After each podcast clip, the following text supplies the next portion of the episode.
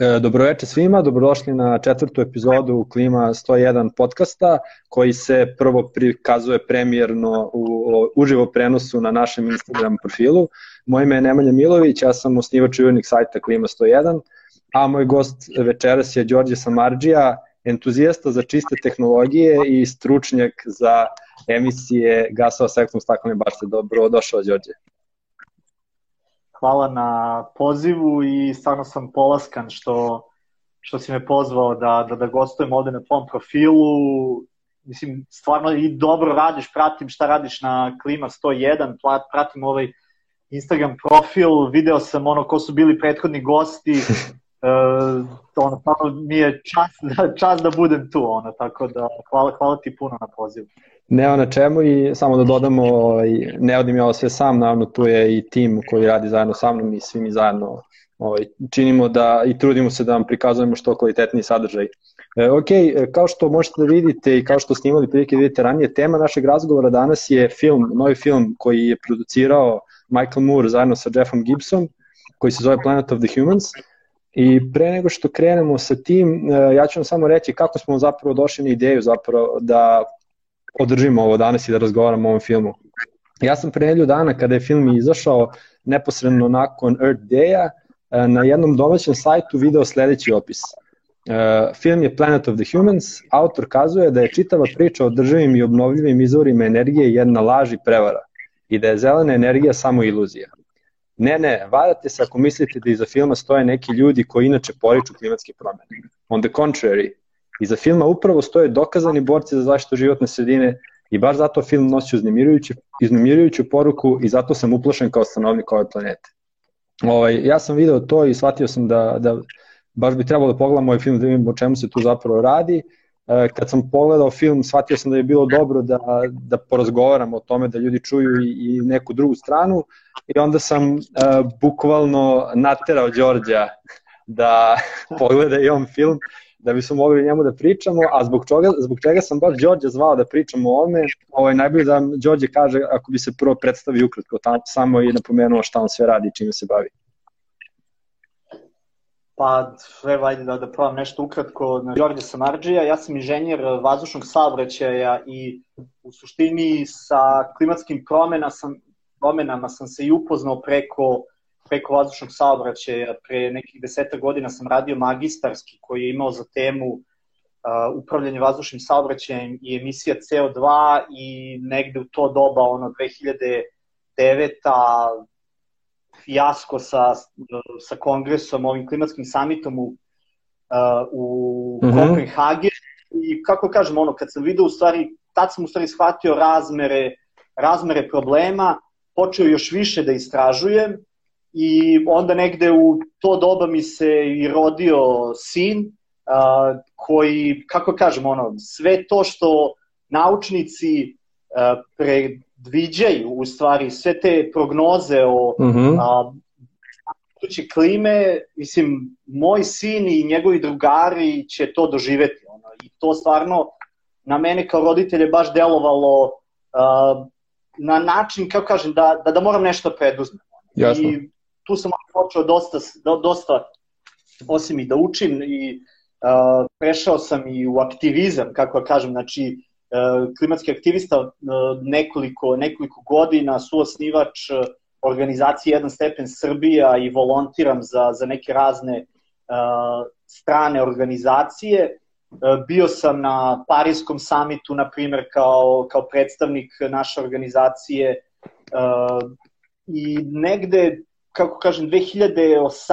16. 17. 18. sam u stvari shvatio da, da, da još nešto u stvari tu treba se uradi. Znači da nije, uh mhm. -huh. da nije dovoljno, dovoljno samo pričati, zagovarati, uh, raditi istraživanja i slično, nego da ono, treba stvarno zavrnuti rukave i, i uraditi neke stvari. Ja sam sve vreme, uh, sve vreme nakon tog magistarskog sam radio uh, sa aviokompanijama uh, o izveštavanju C, o emisiji uh -huh. CO2 i kako da kažem, ono, to, je, to je bio neki posao kojim se i sada bavim i odatle onaj tvoj, e, ovaj, kako se zove, što si stavio, što si stavio u najavu stručnjak Aha. E, za, za ovaj, a 2018. sam i započeo, da kažem, svoju, ono, da kažem, ličnu klimatsku akciju, krenuo sam da, rad, da, da pravim solarnu elektranu i nadam se da će ove godine ona biti, biti operativna. Tako da,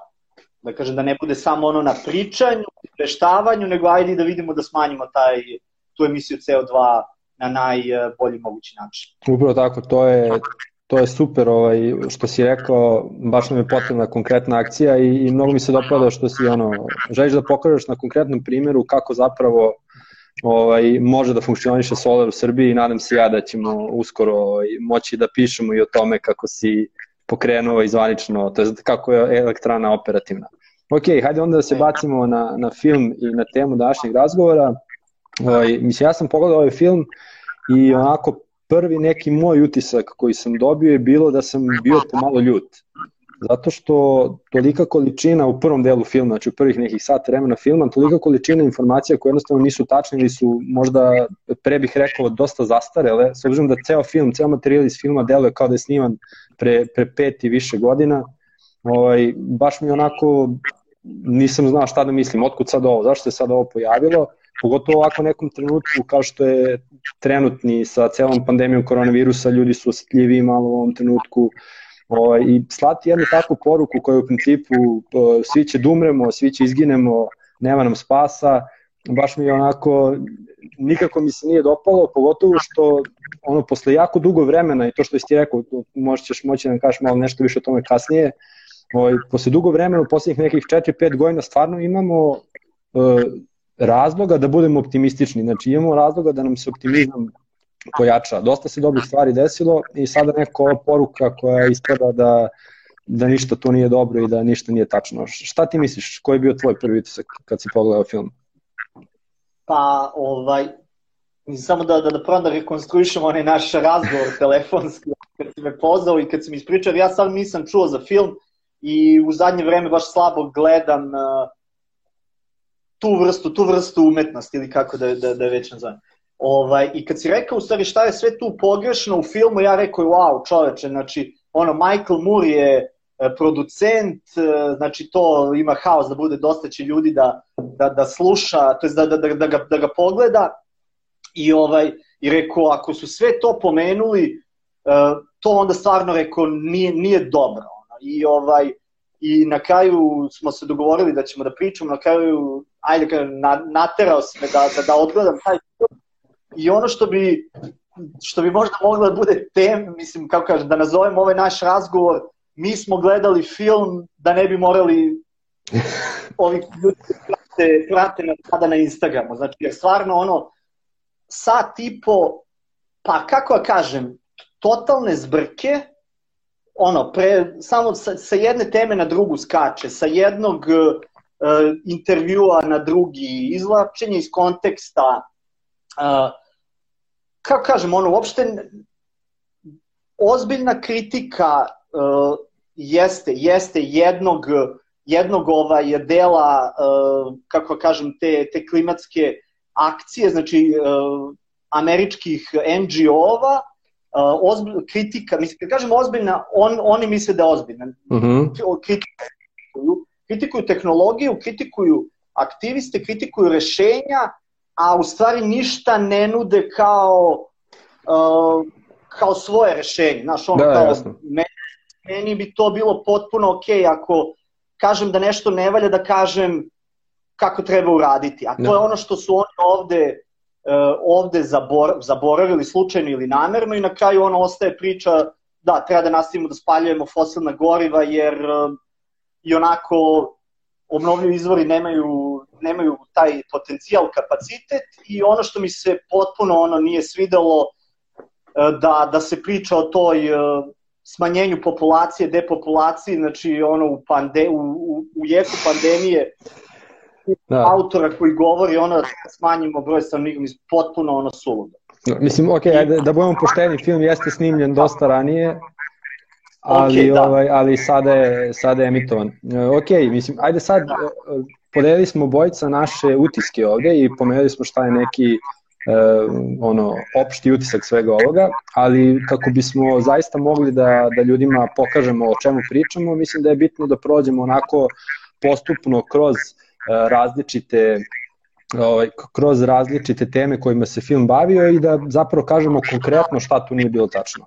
Ovaj, mislim da je, da je to nekako, da, da potkrepimo ono što govorimo nekim konkretnim informacijama. Tako da ja bih tu krenuo, ovaj, kao i u tekstu koji, koji je objavljen na našem sajtu juče popodne, prvo bih krenuo tome zapravo da većina podataka koji su e, prikazani, a koji su vezani za solarnu energiju, energiju vetra, su netačni i zastareli. I kada kažemo da smo, da su netačni i zastareli, evo možemo da krenemo od samog početka zapravo filma, kada nam se prikazuje jedna mala solarna elektrana u Michiganu, ovaj, za koju autor kaže da ne bi mogla nek, ono, da ni, ceo, ni jedan ceo toster da zapravo napaja. Ovaj, ajde, reci nam ti prvo malo, pa ću onda ja, ovaj, šta je sve pogrešno u tome, što su oni tu prikazali? Pa, pravu skroz to snimljeno i možda je sad montirano ovaj, i, i, i pušteno. Ovaj, da, ona, ona elektrana, mislim ja sad ono što, što sam video, šta je, šta je držao, šta je držao u ruci onaj čovjek koji, koji je govorio, uh mhm. -huh. ono mi deluje kao prvo na, uopšte to nisu solarni paneli, ono je tehnologija koja se zove tin film ili tanak film. I uh mhm. -huh. kad oni kažu 8% efikasnost, da, tanak film i sad možda ima, e, ta tehnologija ima 8-9 9%, 9% iskorišćenosti, solarni paneli, znači ovo što mi znamo da je, znamo kao solarnu elektranu, e, tu idu čak, poslednji neki modeli idu i do 25%, ali je nešto što da kažem, ajde možda bi u Srbiji moglo da se kupi na tržištu između 16 i 18, 18%, i kao mislim i svaka tehnologija, svaka nova generacija je sve bolja i bolja, sve manje i manje, sve efikasniji način proizvodnje. Uh mhm. -huh. I tu oko, oko solara treba, kako, mislim, ta priča oko same efikasnosti, uh, ljudi tu možda i nešto i buni, ali, kako da kažem, potpuno je nebitno koja je efikasnost. Znači, da li je 16, da li kupujete panel sa 16, 18 ili 20%. Vi imate, uh, tu, tu, tu ti je bitno jedino, znači, uh, koju površinu uh, zemljišta ili krova imaš, ako imaš veću, kupit ćeš možda jeftiniji panel koji je malo manje malo manje efikasan, ako imaš ograničen prostor, onda ćeš mhm. kupiti, kupiti panel sa boljom efikasnošću. Ono o čemu se tu radi je, pazi, ti imaš neograničen izvor energije. Sunce. I sad, da li ćeš da imaš 16 ili 18% potpuno je sve jedno. Znači, s te da. strane, s te strane Solar je tu stvari nadmoćan nad bilo kojom drugom pričom i naravno, kažem, ovo, ovo što su oni servirali u filmu kao istina, nije istina i o tome ne treba da daje, da, da, da, da, Mislim, da, da, Da. Mislim, to je ono što je meni, ok, ono kao, ajde, bitna je efikasnost, to što, što su efikasniji, to će veći moći da imaju udeo generalno energetskom miksu, preće se isplatiti onima koji su ih kupili i tako, tako dalje.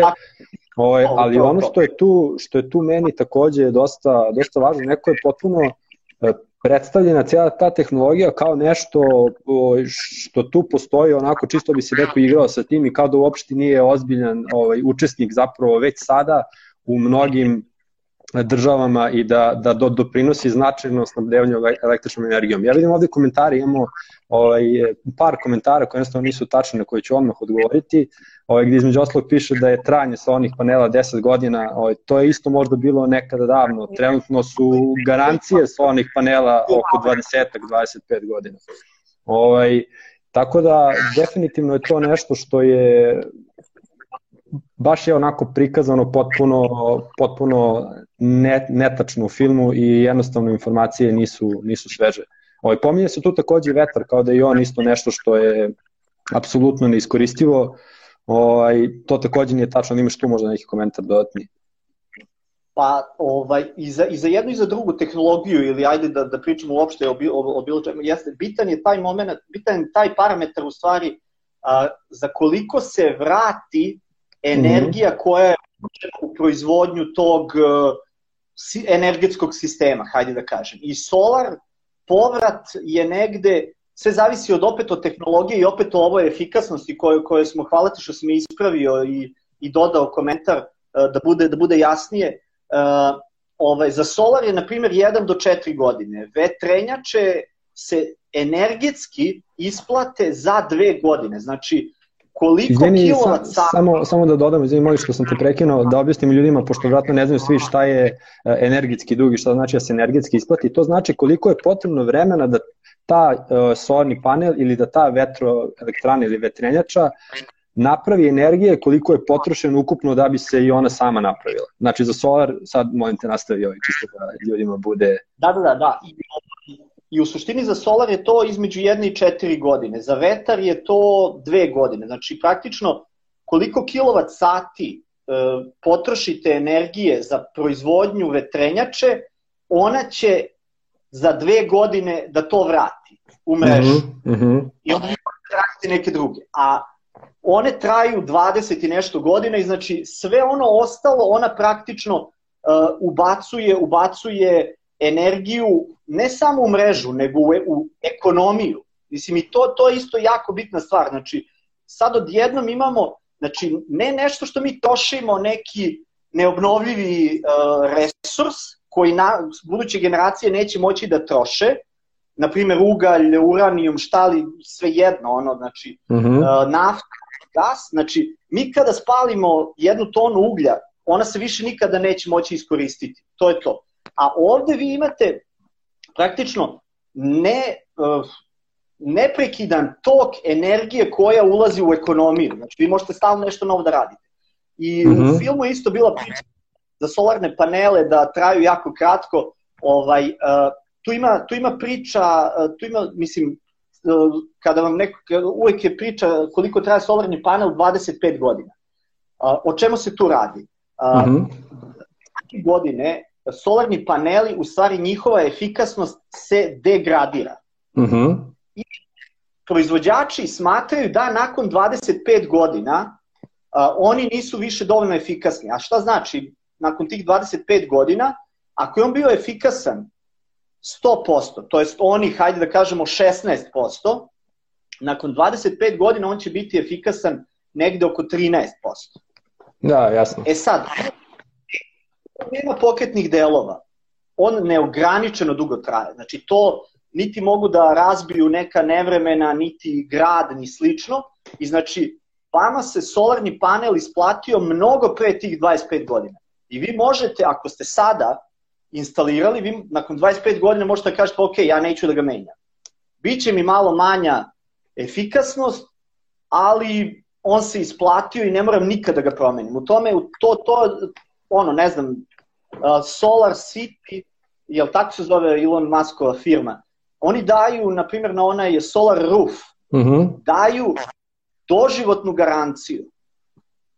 Kao, kao ljudi, kao šta, šta vam to znači? Pa to vam znači da će vam kuća će se srušiti, a krov će i dalje da, bu, da bude ispravan i da daje struju. Znači, ono, nema da. ograničenja u, u trajanju. Eto. Jasno, jasno. O, ovaj, mislim, ajde da, da pomenemo samo ono što je u filmu jedna od glavnih kritika svih obnovljivih izvora energije, konkretno solara i vetra najviše, to je da za njih takođe su potrebni resursi da bi se oni napravili i ovaj, kao kako nešto što već troši resurse, zašto je potrebno kopati rudu, zašto je potrebno spaljivati između ostalog i ponovo neke fosilne goriva, pošto je cela naša ekonomija još uvek većinski zasnovana na, na, na tim energentima. Ovaj, kako sad je to nešto što, će nam, što je čista energija i što će nam pomoći, ali tu ono što, što nije pomenuto, to je da je alternativa korišćenju tih ovaj, obnovljivih izvora energije za koje je potrebna određena količina fosilnih goriva da bi se napravili, zapravo nastavljanje spaljivanja onih istih fosilnih goriva koja, kao što si ti pomenuo, se nikad neće vratiti. I neko ispade iz, iz ovog filma da je bolje da ni ne gradimo ništa, ništa od solara, ništa od vetroparkova, nego da nastavimo uvijek da gorimo koji smo gorili i kao to je to.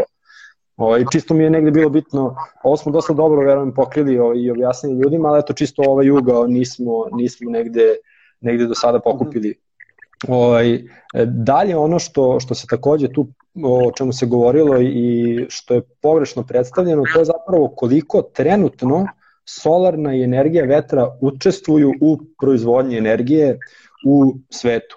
Ovaj, autori su filma su uzeli kao primer Nemačku, kao jedne zemlje koja onako dosta dobro se kotira po pitanju obnovljivih izvora energije, ali ono što su oni tu radili, oni su prikazali, rekli su da solar i vetar za ukupno oko 4% učestvuju u proizvodnji energije u Nemačkoj.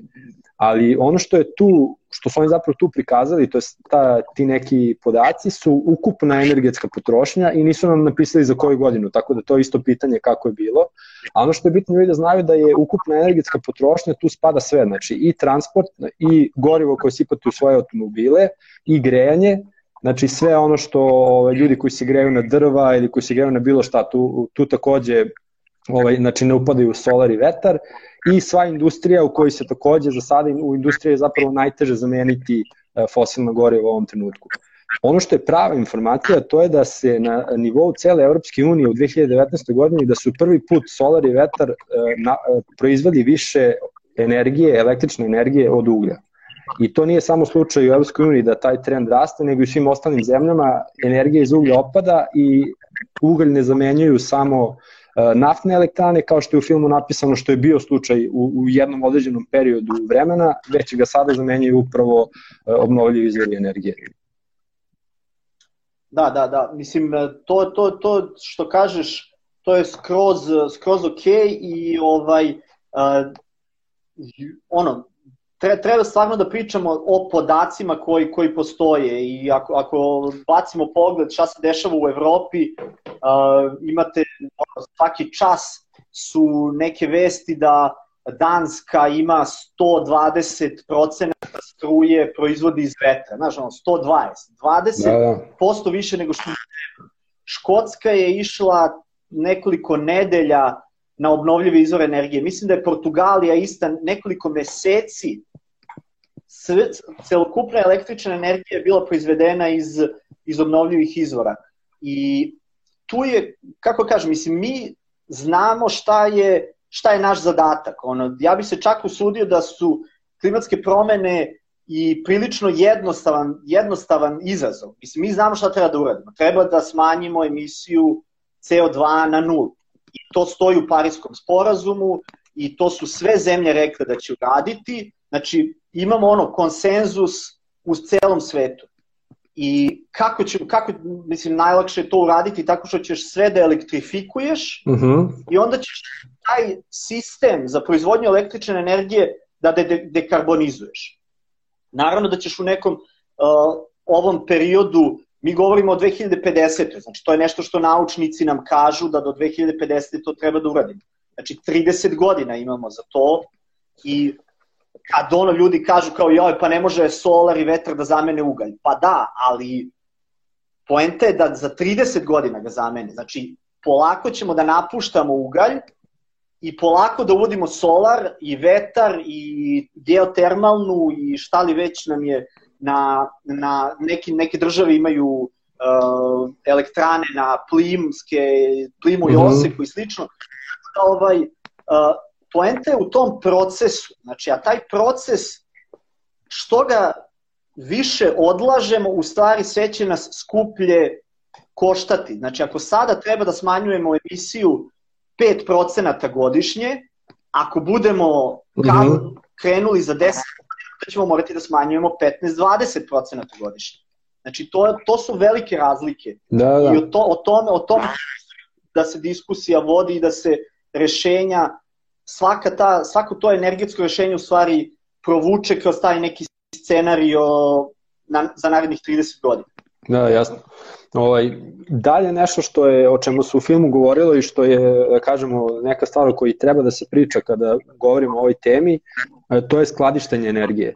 Ovaj, u filmu je rečeno kako je trenutna e, trenutna sposobnost za skladištenje energije užasno niska, ponovo postoji neki pie chart za koji ja nisam ovaj, bio uspeo u potpunosti da shvatim odakle je došao i, i koji su sve ovaj, podaci tu iskorišćeni i bukvalno ono što oni u tom filmu kažu uh, skladištenje energije je nešto što ne postoji, to nije moguće i šta ćete vi da radite kada budete imali solar i vetar, ovaj, kada prestane da sija sunce, kada prestane da duva vetar, nećete imati energiju i onda ćete ponovno morati da spaljujete ovaj, ugalj i fosilna goriva. Što ponovo negde nije tačno zato što se ova tehnologija takođe neverovatno mnogo razvila u poslednjih par godina i dosta se razvila upravo zbog industrije električnih vozila ovaj, koja zapravo gura celu tu industriju napred. I, i nekako ono što meni tu deluje ovaj, da, da je bitno da se pomene da mi kada govorimo o svim ovim stvarima, pre samo 5-6 godina, pre 10 godina kada si ti krenuo da se interesuješ za ovu temu, e, solar i vetar su bili užasno skupi i baš onako bilo pitanje da li će to ikada moći da zameni ugalj, šta ćemo da radimo, kako ćemo, 10 godina kasnije imamo situaciju da su solari i vetar na najvećim tržištima jeftiniji od uglja.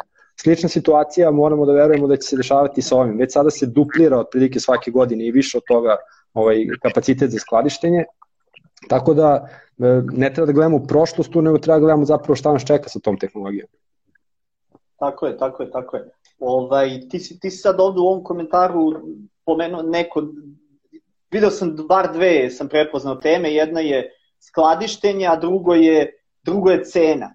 Mm -hmm. ovaj, ono što bi ja imao da kažem o skladištenju, uh, baterije nisu jedini način za skladištenje energije. Znači, to, to je, to, I to, to ja mislim da dosta ljudi previđa, znači uh, možemo da hidroliza vodonika kada imamo previše struje, a na primjer da, da kažemo ono leto, sunce, sunce prži, znači tada verovatno ćemo imati viška energije iz sunca i tada možemo da to upotrebimo za vodonik koji ćemo, na primjer, da spalimo uh, u zimu. Ili uh, Norveška u poslednje vreme često govori kako će oni biti zelena baterija Evrope. Uh -huh. uh, tamo ima dosta, dosta potencijala za reverzibilne hidrocentrale, gde će praktično cela Evropa da gura struju kod njih, a onda će oni da da vraćaju. Objasni samo ljudima, molim te, šta su reverzibilne hidrocentrale, pošto neko možda ne zna ja mislim da mi imamo bar jednu ovde u Srbiji, a to je, to je ova Perućac i znači kada je jeftina struja, onda ona praktično pumpa vodu u jezero akumulaciono i uh, kada je struja, kada nam treba, onda samo pustiš vodu da teče, da teče normalno. Naravno, znači sav hidro i sve ta priča, znači to mora da se pažljivo E, pažljivo planira i da se smanji uticaj na, na, na životnu sredinu. Znači, tu, tu, tu dileme nema. Ne, treba, ne zagovaram sada da treba da, da, da, da, ovaj, da potopimo uh, neke delove zemlje da bi, da bi imali, ali kažem, umesto baterije imamo još nekih rešenja i stalno kad pričamo o, o energetskom sistemu budućnosti, treba da -hmm. pričamo o sistemu, ne o pojedinačnim rešenjima. A ovaj, za baterije Uh, pa meni bi, na primjer, jako interesantna bila u stvari ta transformacija uh, Tesla, koja se pominje, čije se giga, giga fabrike pominju mm -hmm. ovde. Tesla se zvao u stvari Tesla Motors. I oni su pro, proizvodili automobile. Međutim, ne. To je firma za proizvodnju baterija. Njima su automobili samo dodatan, da kažem, uh, biznis i oni se sad, u stvari, oni se ne zovu više Tesla Motors, oni su promenili ime, oni se zovu Tesla. Tako da s te strane, znači, i evo sad su objavili da, da, da imaju bateriju koja može milion milja da pređe, znači to više nije ono uh, tipa na tri godine da se menja, nego jednostavno pitanje da li ćeš ikad morati da promeniš za vreme, da, da. za vreme automobila, da li ćeš morati da menjaš, da menjaš bateriju. I definitivno, ovaj, pomenu... aha, izvini. Izvini, izvini. Ne, ne, reci, reci. Ne, ne, nastavi, nastavi. Ovaj, Pomenuo si ovu priču oko, oko troškova za solar, vetar i slično, da je struja skuplja, jeftinija. Pa to što je struja iz uglja jeftina je u stvari samo privid. Kada bi se uračunali zdravstveni troškovi struje iz uglja, naša struja u Srbiji ne bi bila 5 eurocenti nego 21 eurocent. A to mi možemo da vidimo svake zime koliko u stvari nas košta struja iz uglja. Da, jasno. I solar je sada, znači, mislim, solar, vetar ili bilo koja obnovljiva je sada značajno jeftiniji od uglja, zato što nema te dodatne ekološke i klimatske troškove. I Jasno. kako to ne bi trebalo, znači, za, za bilo koje društvo kada bi donosilo odluke ne bi trebalo uopšte da bude, da bude dileme o, o čemu se radi. Znači, a mi konstantno govorimo kao, ja, znaš, skupo je, ugalj je jeftin. Nije ugalj jeftin, znači mi svake godine, uh, naše društvo svake godine izdvaja milijarde evra za lečenje bolesnih uh, zbog zagađenog vazduha. Da. I, I ne samo to, nego je i to industrija koja je kod nas subvencionisana, proizvodnja uglje konkretno. Ovaj, ali ajde... Da. da. Oj, ali ajde da, da se da nastavimo dalje sa filmom, već smo pola sata razgovarali, oj, mnogo mi je brzo ovo sve prošlo. Uglavnom oko pola sata pričamo, pa onda ostavimo malo vremena za pitanja publike, ali ima još par stvari koje bih hteo da pomenemo. I kad se već primenuo Tesla, isto mislim da je to, to bitno samo ukratko da, da kažemo. U filmu se navodi kao Tesla ima solarne panele na krovu i kažu da koriste u potpunosti obnovljivu izvoru energije, Zbog čega su onda oni povezani na mrežu i pokazuju se onako snimak uh, dalekovoda koji ide do fabrike kao evo vidi oni lažu. Ovaj, a mislim, poenta zašto su oni povezani na mrežu, ok, prvo je ukoliko se desi bilo šta što bi njih sprečao da proizvode energiju kod sebe, a može bilo kakav rizik da se desi, A druga stvar je da oni mogu višak energije da prodaju nazad na mrežu. I to je zapravo cela ta, taj koncept prosumera, da ljudi u budućnosti neće biti samo korisnici električne energije i nećemo samo kupovati energiju od EPS-a, nego ćemo isto vreme biti proizvođači ko bude imao na svojim krovima solarne panele i zapravo ćemo moći da zaradimo u danima kada trošimo manje struje nego što proizvedemo. Ovaj, ajde da krenemo uh, već onako malo ka kraju filma, imamo još dve teme o kojima bih voleo da porazgovaramo kratko, a to je Ovaj, smo se negde dotakli toga i, i toga i, i ranije, ali šta je na kraju poruka ovog filma? Šta je, šta je neko rešenje? Šta nam ovaj film daje kao, kao rešenje za, za probleme koje je onako, na koje je bacio svetlost?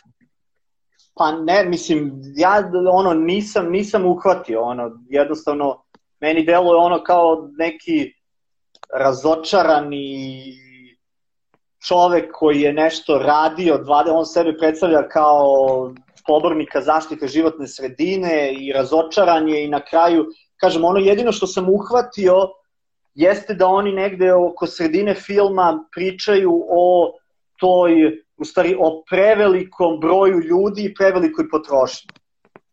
Mislim, kako kažem, to, to za mene nije rešenje i zato ga neću ni, neću ga ni pomenuti da, ovde, jer mislim da, da ono, ta priča oko depopulacije jednostavno ne, ne stoji, mi imamo dovoljno znanja i, i, i sada imamo razvijene tehnologije da 7, 8, 9 milijardi ljudi može da živi ovde na ovoj planeti sasvim pristojnim životom. Znači, naravno, ok, možda će u nekim zemljama to značiti da treba malo da smanjimo, a u drugim zemljama povećanje značajno, ali, ali to je to ono, znači naše znanje i naša tehnologija nam dozvoljavaju da, da ovo bude najbolje mesto za život u svemiru, ono, znači, da ne moramo da tražimo druge planete, ono, tako da ovo, eto, to je, da.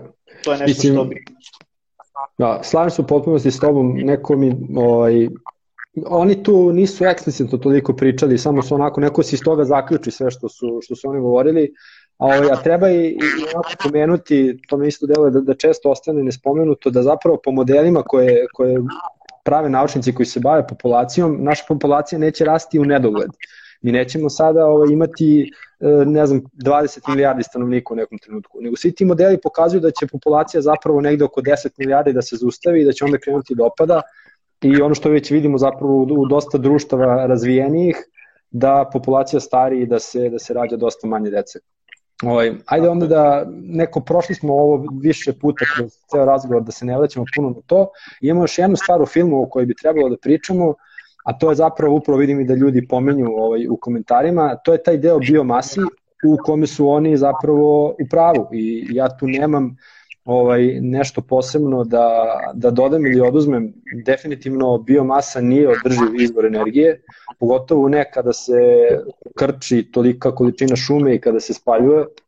Ovaj, I cela ta priča, ja sam čak čuo u Srbiji se često priča kako mi imamo najveći potencijal za obnovljive izvore energije nama biomasa, to nije tačno, ovaj, zato što jednostavno biomasa nije obnovljiva ona jedino kada bi mogla da bude obnovljiva, to je kada jeste, to je kada koristite stara stabla koja su već umrla ili neki poljoprivredni otpad koji bi se inače spaljivao. Naprimer, ima ovaj, baš u Srbiji postoje u okolini Užica neki momci koji skupljaju orezinu od malina nešto što seljaci inače spaljuju ovaj, bez veze, ni za šta i samo zagađuje okolinu i onda oni uzmu to što oni inače spaljuju, briketiraju i onda to, to prodaju kao neki izvor energije.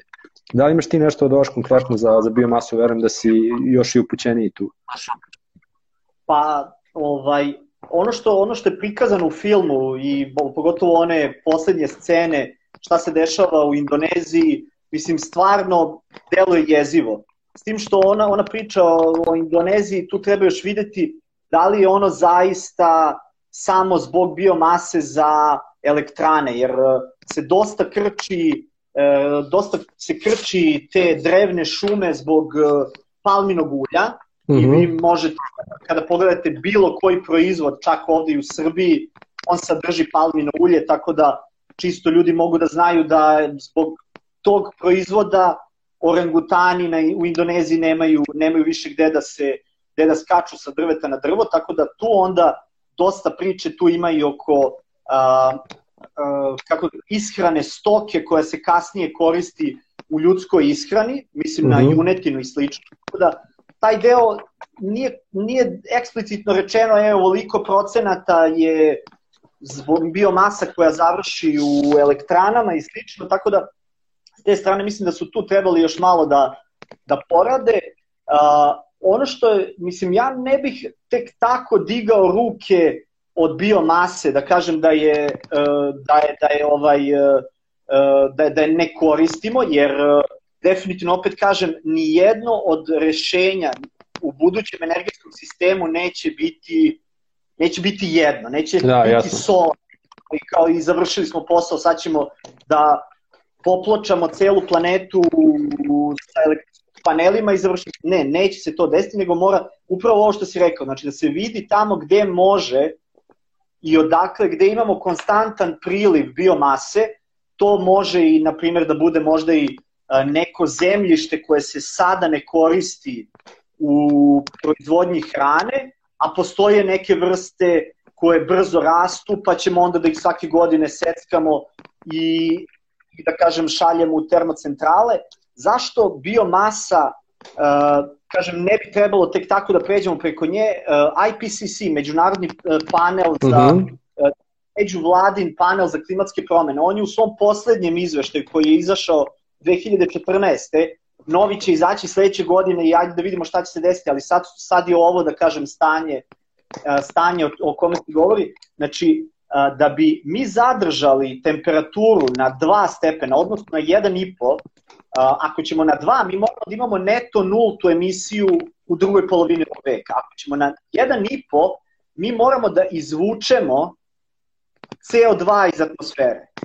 Znači nekako da, da probamo ovo što smo emitovali zadnjih 250 godina, da probamo da povučemo nazad. I IPCC tu da kažem ono, ozbiljno razmatra nešto što se zove uh, bioenergy carbon uh, capture and sequestration. Znači, da uh mhm. -huh. vi sa biomasom stvari, da sa biomasom pokupiš CO2, spališ ga u nekim elektranama, proizvedeš uh, energiju i onda taj CO2 u stvari uskladištiš negde. Uh mhm. -huh. Nažalost, takva tehnologija ne postoji.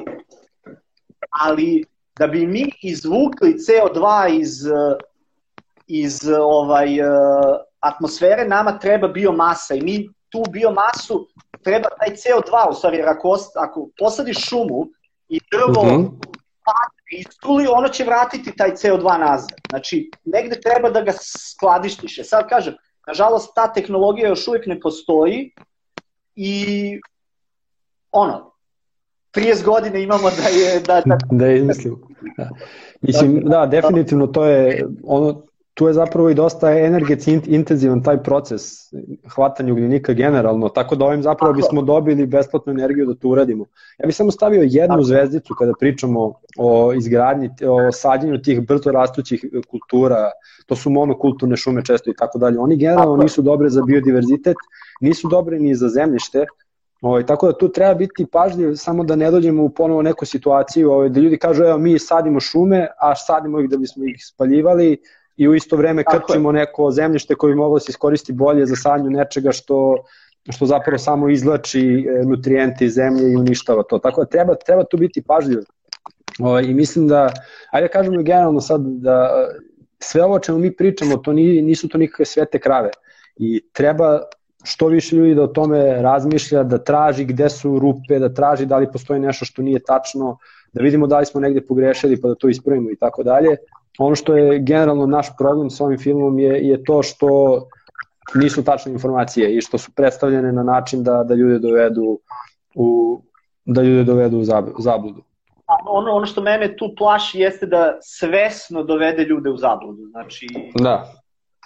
ne, ne, ne znam, mislim, ne znam zašto, ali ajde, da, da vidimo kako će se razvijati situacija oko tog filma u narednom periodu i ja mislim da su već uh, mm producent eh, filma Gasland, Gasland ili tako nešto o frekovanju je rekao da je ono, Ro, Michael Moore koji je njegov idol i zbog koga je počeo da snima dokumentarce ga je starao ono kao i traži da se, da se film skine zato što je prepun uh, naučnih uh, besmislica. Mislim, ono, ne, netačno, netačno informacija. Ovaj, Hvala ti puno, Đorđe. Ja bih sada pozvao našu publiku da, da nam postavi neka pitanja. Imaćemo još nekih 15 možda 20 minuta da odgovaramo na pitanje iz publike. Sad, pošto imamo ovako mali delay, ovaj, ja ću iskoristiti ovo kao neko bonus pitanje kratko, ovaj, a to je da ono što isto što smo primetili u filmu, to je što sam ja primetio, a i još neki drugi komentatori, da nismo imali prilike da čujemo ni jednog klimatskog stručnjaka, znači naučnika koji je vodeći naučnik za klimatske promene da u ovom filmu nešto kaže. A film je de, ono dosta mu je light su mu light motiv klimatske promene. Meni je to isto onako problematično. Da, skroz, skroz su pravo, da, da, skroz su pravo i nema, nema, nema, nema nikoga ko, ko govori na tu temu, a ono, bar u Americi ima stotine naučnika koji bi mogli da pričaju tu, sad je samo pitanje da li su ih zvali ili oni nisu hteli uopšte da se, da se da, da, da, da pričaju, da, da se pojave u takvom filmu. Da, mislim vidjet ćemo, a svako definitivno će, će se još pričati o ovom filmu i verujem da, da će ono nastaviti da izaziva neku kontraverzu, mada ono dosta je bila jaka reakcija ljudi, ja sam generalno, kad sam ga gledao, tada nije bilo stvari po internetu, pošto ono, tad je tek bio izašao možda dan, dva nakon toga, ovaj, kada sam juče preključe ponovo ušao da vidim o čemu se sve pisalo kada sam pripremao tekst, ovaj, baš sam video da, da je dosta ljudi reagovalo i da nekako nadam se da, da će da ljudi neće biti dovedeni na kraju u zabludu sa svim tim. Pa, mislim ono, u, ljudi mogu i da izaberu stotine drugih filmova, ono, znači tako da ovaj, Jel imaš e, neki film koji bi preporučio možda? Vezan pa, za to. ono što što, što je meni nekako, iako ajde da kažem, mi u Srbiji možemo da kažemo da nemamo mnogo veze sa time, ali a, dva filma su mi stvarno ono, mislim, mislim da, da, da, da, da mogu da budu dobar odgovor, a to je Chasing Ice i Chasing Coral. Znači, prvi gde snimaju šta se dešava na Grenlandu, Antarktiku i u stvari o povlačenju o povlačenju lednika i drugi o katastrofama koje se dešavaju uh, sa koralnim grebenima. I opet kažem, mislim, mi u Srbiji možemo da mislimo kao, jao, pa nema veze, to sa nama da, i tekako ima veze, mislim, mi smo, svi živimo na jednoj planeti i katastrofa u jednom delu planete jeste katastrofa i u drugom. Ono. Tako da, ovaj, sigurno, sigurno stvari kao što je otapanje lednika nas pogađaju mnogo više nego što mi mislimo na prvu ruku ili, ili nemanje tih veoma bogatih morskih staništa, okeanskih staništa kao što su kao što su koralni grebeni, naravno da na kraju se implicira u nedostatak hrane, smanjenje biodiverziteta mora i slično. Tako da ovaj to, to su mi, ajde da kažem, verovatno dva najomiljenija filma da. koji imaju na temu klimatske promene.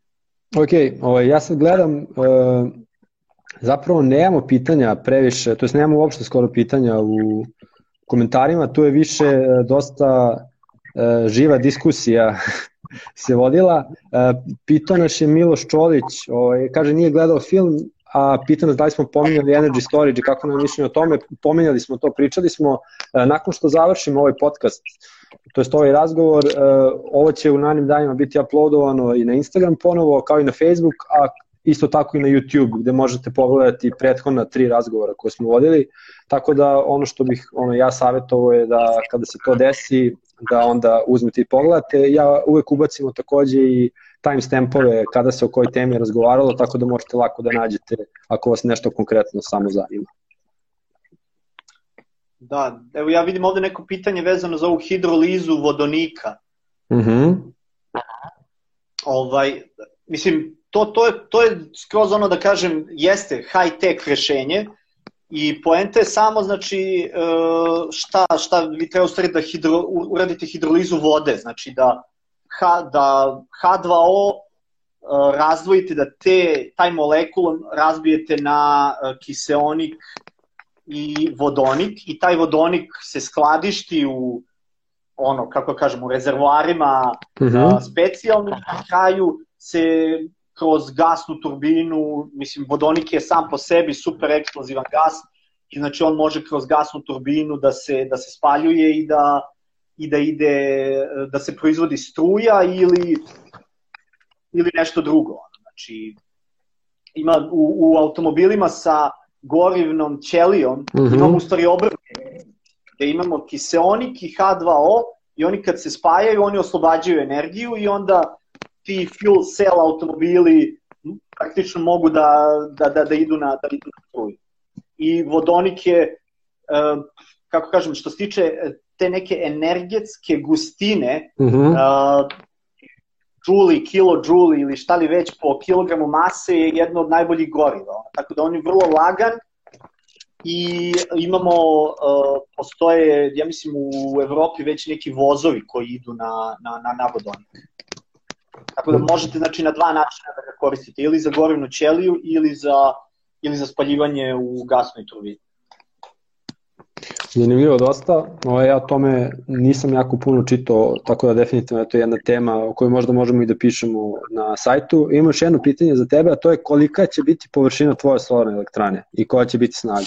A, ne, e, da, kapacitet, to jest instalisana snaga je 25, još malo, još malo, evo stiže.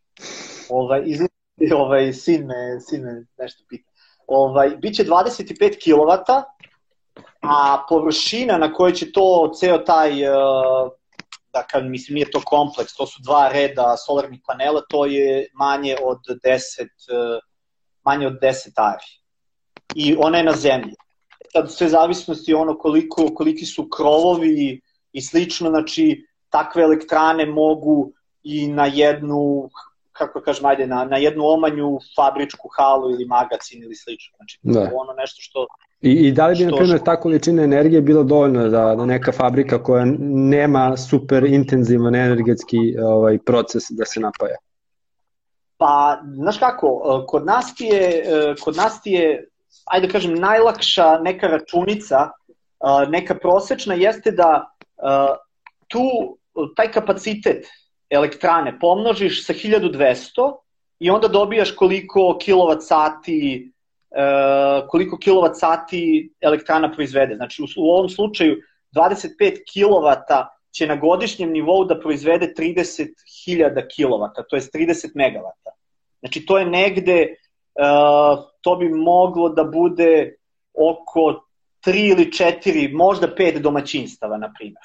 E sad, što se tiče fabrika, sve zavisi zaista kakav je, kakav je proces, ali uh, fabrike obično mogu, uh, kada računaš krov, onda je tu opet, sad ću opet da kažem jedan broj, možeš da ga zapišeš pa da koristiš kasnije, ali na primjer na, na 10 kvadrata krova ide 1 kW instalisane snage. Da. I ako imaš znači 1000 kvadrata, ti možeš uh, 100 kW koji će ti napraviti 1,2 gigavat, uh, je tako nešto? Ne, da, da, da ja Dobro, nije, nisu važni konkretni brojke, ono više kao da, da približimo ljudima zašto to i koliko može da se koristi. Solarom jeste zato što je super modularan i kada proceniš koliko ti struje treba, ti tačno toliko elektranu napraviš. Uh mhm. -huh. I, I to je to. I to je to, da. Ok, imamo pitanje, ovaj, ajde da se, da imamo još dva pitanja i da završimo, pošto videli smo da da je ovaj da, da te sin malo prezvao. E, pitanje za vetroenergetiku, e, da li podržavaš dalje razvoj ove tehnologije preko trenutnih, trenutnih kapaciteta? Znači, da li podržavaš da se gradi još vetroelektrana? Pa, mislim, opet kažem, sve to kako mi svi zajedno odlučimo. Ono, znači, ako hoćemo da imamo dovoljno, ako hoćemo da vodimo ovakav život i za 30 godina, izračunamo koliko nam struje treba i izračunamo gde, gde treba da postavimo te vetrenjače. I nema tu sad, opet kažem, ne, znam, ne, ne bi ja ni jedno rešenje favorizovao. Jer je sistem je, sistem je u pitanju da. I, i, i naša diskusija o tome kakav grad, kakvu opštinu, kakvu državu i kakav svet želimo, u stvari će nam dati odgovor na to kakav nam energetski sistem treba. I mi možemo da uložimo gomilu novca u energetsku efikasnost i da na taj način smanjimo potrebnu energiju. Jer opet ono, nepotrošen kilovat sat je najjeftiniji kilovat sat. Znači, da. ono, a opet možemo i da se, a opet možda će nam trebati za neke specijalne e, procese ili slično, biće toplije u narednih, narednim decenijama, sigurno će nam trebati više struje za klima uređaja i slično, tako da ovaj, Aj da. ne za klima uređaj, za raspeđivanje. Ono, da. Tako da, A mislim, tako da- treba će nam možda i manje za grejanje. To je dosta onako kompleksna. Ajde da kažemo samo, ja bih tu dodao, ono, generalno, ne samo da ne postoji jedno rešenje za što se tiče koji ćemo izvor energije koristiti, nego ne postoji ni jedno rešenje samo ovaj, za ovaj problem generalno. Znači, tu treba da bude i razvoj tehnologije zajedno, i promena nekih životnih navika, i promena procesa proizvodnje, unapređivanje energetske efikasnosti. Sve te stvari idu zajedno i to je ono, klimatske promene su sistemski problemi i potrebno je sistemsko rešenje. I evo, tako poslednje tako. pitanje za danas, pre nego što završimo. Da li je za sve tehnologije koje koriste obnovljive izvore energije neophodno potrebiti neku vrstu fosilnih goriva? Ako jeste, da li procenjujete da, ćete, da će se razviti tehnologija koja to ne bi morala? Pa, ono što, ono što je zanimljivo, na primjer, za, za solar, uh, on je nešto što možemo da nazovemo eksponencijalna tehnologija. Znači, što više instaliraš solara ili, uh, ili vetrenjača ili drugih obnovljivih izvora, uh, oni će napraviti više energije da možeš da praviš mhm. -huh. još više. Kad kažem eksponencijalna, ono, mi ljudi smo navikli na nešto što se zove linearan, linearan rast i to je nešto o čemu mi možemo da razmislimo. A eksponencijalno je nešto drugo. 1, 2, 4, 8, 16, 32. O tome smo I, pričali kada je krenula cela priča s virusom. Mislim da smo sada kao svet bolje e, znamo eksponencijalne tako, grafike nego što smo ih znali ranije. E, bar to, bar to. Ovaj, iz te strane, znači, što budemo više instalirali obnovljivih izvora, lakše ćemo praviti nove. To ne možeš da kažeš za fosilna goriva, jer su ona ograničena i što više gradiš s ovih termoelektrana, brže ćeš da potrošiš zalihe uglja i da. onda ćeš, znači, ono, ostaće bez goriva. Ono. Tako da, s te strane, da, ono, obnovljivi izvori energije su ta tehnologija koja će se razviti da ne moramo da koristimo fosilna goriva za, za proizvodnju obnovljivih izvora energije. Ok, super. E, Đorđe, hvala ti puno što si gostovao i što si sa nama pričao o filmu, ali i generalno o obnovljivim izvorima energije. Ovaj, meni bilo uživanje, baš mi je brzo prošlo, evo, sat vremena smo skoro celih ispucali. Nadam se da je te bilo ovaj, takođe zabavno i zanimljivo, a nadam se da i vama, eh, dragi gledalci, takođe bilo zanimljivo. Kao što smo već pomenuli, ovaj podcast ćete moći da pogledate i na Instagramu i na Facebooku i na YouTubeu nakon što ovaj, se ovo završi i nakon što ga uploadujemo, a uskoro ćemo i audio formate takođe uploadovati na nekoj platformi, tako da ćete moći i samo da slušate, a ne morate i da nas gledate ukoliko to ne želite. Ovaj, hvala vam puno svima još jednom i vidimo se, nadam se, i naredne nedelje. Ćao, Đole, hvala još jednom. A, sve najbolje i svojim slušalcima i pratiocima. Bravo. Moći. Evo, samo da sin vidi kako je to gledalo. Dođi. Evo. Ćao, pozdravi Nemanju. Ćao, Aleksandre. Evo me dolazi. Evo, ovo je super, ovo je super